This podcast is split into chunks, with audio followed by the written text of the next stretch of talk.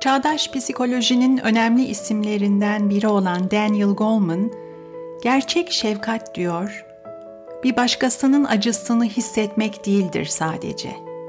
O acıyı dindirmek için zahmete girmektir. Yaşadığımız hayat ne olursa olsun hepimiz anlaşılmak istiyoruz. Anlamak ve anlaşılmak içinse şefkat ve empati üzerinden bağ kurmaya ihtiyacımız var. Merhaba, ben Ahenk. Her bölümde psikoloji, edebiyat ve felsefenin rehberliğinde insan olmanın anlamını, hayatın anlamını ve mucizevi beynimizi keşfe çıkacağımız Mutlu Beyin podcast'ine hoş geldiniz. Tekrar merhaba. Dinlemek, anlamak ve yardım etmek. Zorda olanın ıstırabını dindirmek ve anlamlı bir destek sunabilmek için yapabileceğimiz üç temel şey. Öncelikle anlatmasına izin vermek, sesini duyurması için ona alan açmak ve can kulağıyla dinlemek. Çünkü bir insana sunabileceğimiz en değerli şeylerden biri dikkatimiz. İkincisi yaşadığı zorluğu kendimizi onun yerine koyarak kavramaya çalışmak ve üçüncü adım dinleyerek ve empati kurarak edindiğimiz bilgiyle çözüm sağlamak üzere eyleme geçmek. Şair Maya Angelou, hemen herkes empati becerisine sahiptir ama çoğu insan buna cesaret etmez diyor. Empati ve şefkat duymakla acımak arasında kalın bir çizgi var. Hatta acımanın empatinin ve şefkatin gizli düşmanı olduğunu söylemek yanlış olmaz. Acımaz zorda olanı, yaralı olanı kendinden uzak, kendinden düşük görmek demek.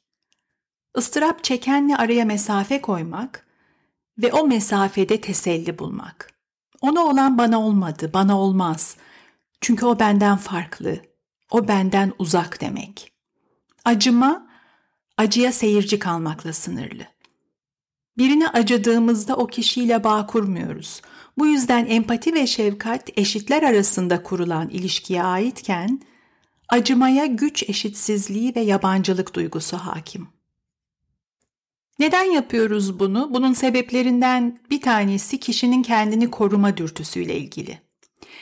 Birine acıdığımızda acı çekenle daha derinden bağ kurmanın önüne geçmiş oluyoruz. O yakınlığın yaratacağı duygusal zorluktan kaçmak için kendimizi uzakta tutmaya çalışıyoruz. Acıma duyduğumuzda odak noktası acı çeken kişi değil. Kendimize, kendi acısız halimize vurgu yaptığımız bencil bir duygu acıma. Başkaları bize acıdığındaysa başkalarının bize acıdığını hissettiğimizde, kendimizi acınası gördüğümüzde yaşadığımız ıstıraba başka zor duygular ekleniyor. Acıma acı çeken insanda utanç ve öfke yaratma riskini barındırıyor çünkü. Bu yüzden birinin durumu için üzüntü duymak, empati kurmak ve şefkat beslemek anlamına gelmiyor. Mesela bir yakınınızı hastanede ziyaret ettiniz. Onu hasta halde görmek sizi üzdü, durumuna üzüldünüz ve onu o halde görmek istemediğiniz için onu hasta yatağında, o durumda görmenin yarattığı rahatsız ve zor duygulardan uzaklaşmak, kaçmak için araya duygusal bir mesafe koydunuz. İşte bir bakıma o mesafenin adı acıma. Acıma yalnızca duygusal olarak değil, fiziksel olarak da uzaklaşma dürtüsü demek. Hastane ziyaretinden apar topar kalkıp gittiniz belki. Belki bir daha ziyaret etmediniz, bir daha aramadınız. Birçoğumuzun yaşadığı duygusal tecrübeler bunlar. En basitinden Arayacağım, aramak istiyorum ama ne söyleyeceğimi bilmiyorum mazereti. Bu yüzden şefkat kolay bir duygu değil. Empati ve şefkat zor duygular. Acımak çok daha kolay. Şefkat başka birinin çektiği ıstırabı kendi insanlığımızın bir parçası olarak kucaklamak demek. İnsanlığımızı anlamak demek çünkü zorluklar, acılar, kayıplar insan olmanın, insan hayatının kaçınılmaz gerçeği. Acısı ve güzelliğiyle ortak insanlığımızı kucakladığımızda, güzelliklerin yanında insan olmanın karanlığını, kendi karanlığımızı, kabullenip kavradığımızda ancak başkalarının ıstıraplarına yaklaşma cesaretini buluyoruz. Şefkat yalnızca hissetmek değil, aynı zamanda bir eylem biçimi. Acı çekenin acısını paylaşmak ve ona destek olmak için yapabileceğimiz her şeyin yakıtı şefkat. Empati ise şefkatin bileşenlerinden biri. En sade tanımıyla kendini karşındakinin yerine koyabilme becerisi empati. Empati yaptığımızda kendimizi bir başkasının yerine koyup durumu onun bakış açısından anlamaya çalışıyoruz. Hayatı onun gözleriyle, onun kalbiyle görmeye çalışıyoruz. Şefkat empatiyi daha ileriye taşıyan, bir başkasının duygularını, acılarını anlamakla kalmayıp acıyı paylaşmak ve azaltmak için bizi harekete geçiren duygu. Bu yüzden yardım eli uzatma isteğini, yakınlaşma isteğini yaratan duygu şefkat. Dünyayı başka insanların gözünden görebilmeyi başarmak önemli bir güç ve her sağlıklı ilişkinin temelinde birbirini anlama becerisi var. Duygularımız ve düşüncelerimiz ne olursa olsun hepimiz anlaşılmak istiyoruz. Empati becerisi, duygusal zekayı, sosyal zekayı belirleyen unsurlardan biri olarak kabul ediliyor. Yalnızca sosyal ilişkilerimizin değil, öğrenme becerilerimizin kaynağında da empatik beyin var. İnsan beyni geliştikçe farkındalığımız gelişti, düşüncelerimiz daha soyut bir hale aldı, birbirimizle olan ilişkilerimiz daha sofistike hale geldi. Empati becerisi sosyal ve kültürel evrimimizi kolaylaştırdı. Bizi insan yapan becerilerden biri empati.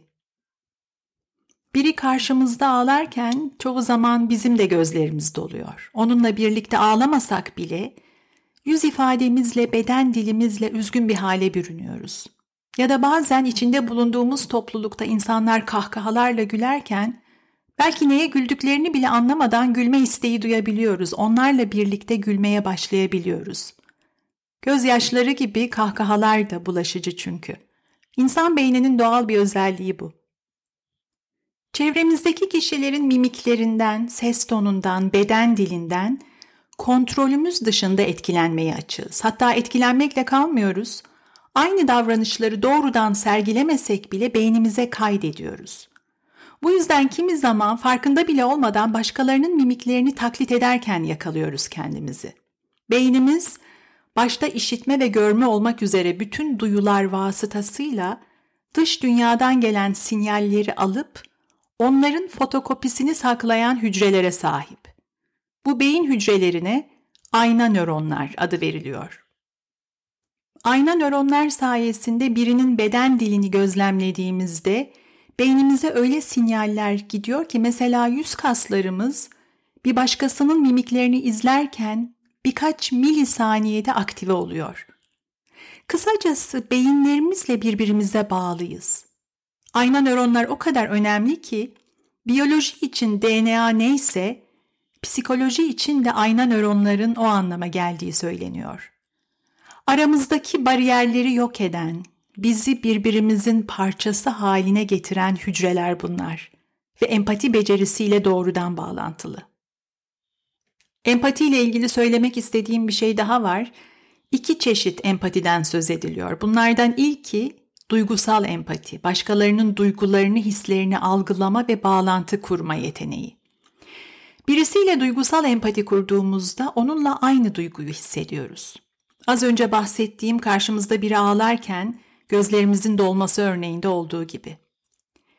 Bilişsel empati ise bir başkasının bakış açısını anlamak. Duyguları ve düşünceleri tanıma ve anlama becerisi. Mesela biri kendini yalnız hissediyorsa, onun duygusunu tanımak ve anlamak için bizim de kendimizi yalnız hissetmeye ihtiyacımız yok.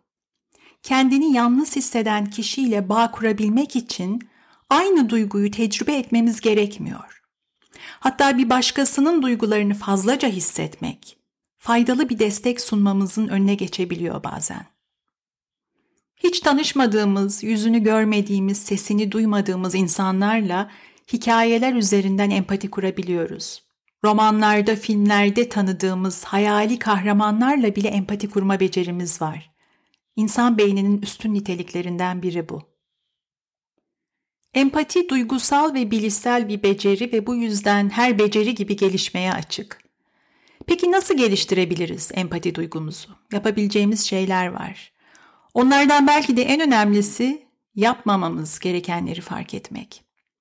Karşımızdaki kişi yaşadığı zorluğu, duygusal acıyı ifade ettiğinde içine düştüğümüz iletişim hatalarından biri konuyu değiştirmek, geçiştirip savuşturmaya çalışmak. Bazen bunu daha çok anlatıp daha çok üzülmesin diye o kişinin iyiliği için yaptığımızı bile zannedebiliyoruz ama aslında kendi duygularımızı korumak için yapıyoruz bunu. Kötü hissetmekten korktuğumuz için yapıyoruz.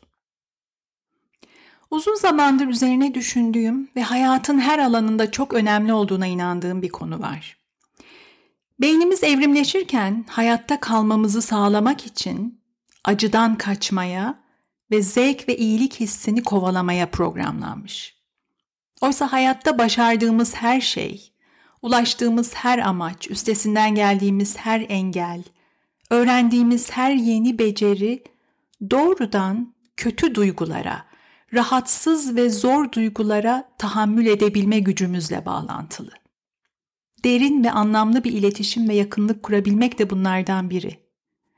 Kötü hissetmek istemiyorum, üzülmek istemiyorum diye kaçmaya çalıştığımızda karşımızdaki kişinin ıstırabına kapılarımızı kapatmış oluyoruz. Şefkat, empati, merhamet bu yüzden zor duygular. Bir başka iletişim hatası küçümsemek.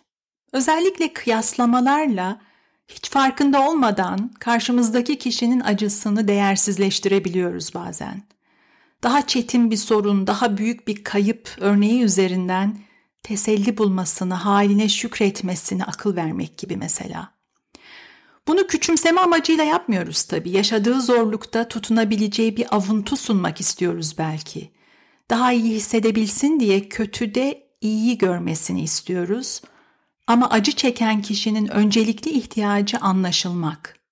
Nasıl düşünmesi, nasıl davranması gerektiğine dair nasihat dinlemek değil, işitilmek ve anlaşılmak.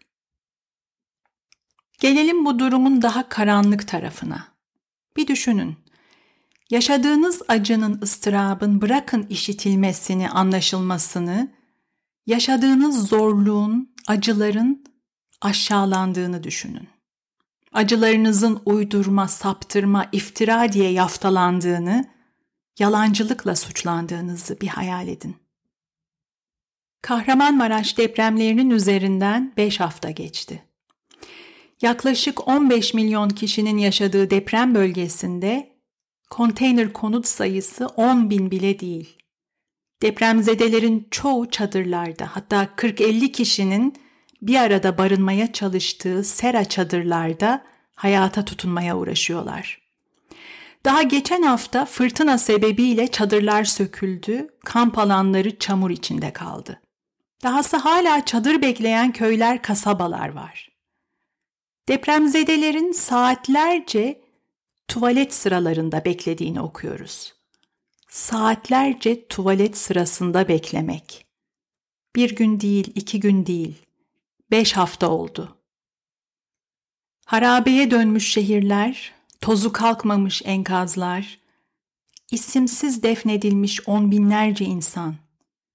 Beş hafta sonra hala geride kalanlar en temel ihtiyaçlarının giderilmesi için çözüm bekliyorlar. Yakınlarını, evlerini, anılarını kaybetmiş insanlara bunları yaşatmak, acılarını, ıstıraplarını, insanlık onurlarını aşağılamak değil de nedir? Neydi empati? Kendini bir başkasının yerine koyabilme, hayatı onun gözleriyle, onun kalbiyle görebilme becerisi.